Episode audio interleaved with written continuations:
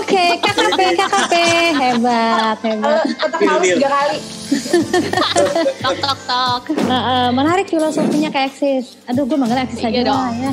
Eh, terus Ya udah sih. ya eh, sama tadi Kak Kristi juga si Kristi juga bilang ya kenapa milih podcast karena dari dari waktu kita ketemu terakhir tuh ngobrol terakhir ternyata eh, Kristi sama gue terutama kita punya pendap kesi, apa kesening, kesenangan yang sama sekarang lagi sama-sama dengar pod, dengar podcast kalau lagi waktu luang jadi Sama gue juga kadang-kadang ya dengerin podcastnya lu.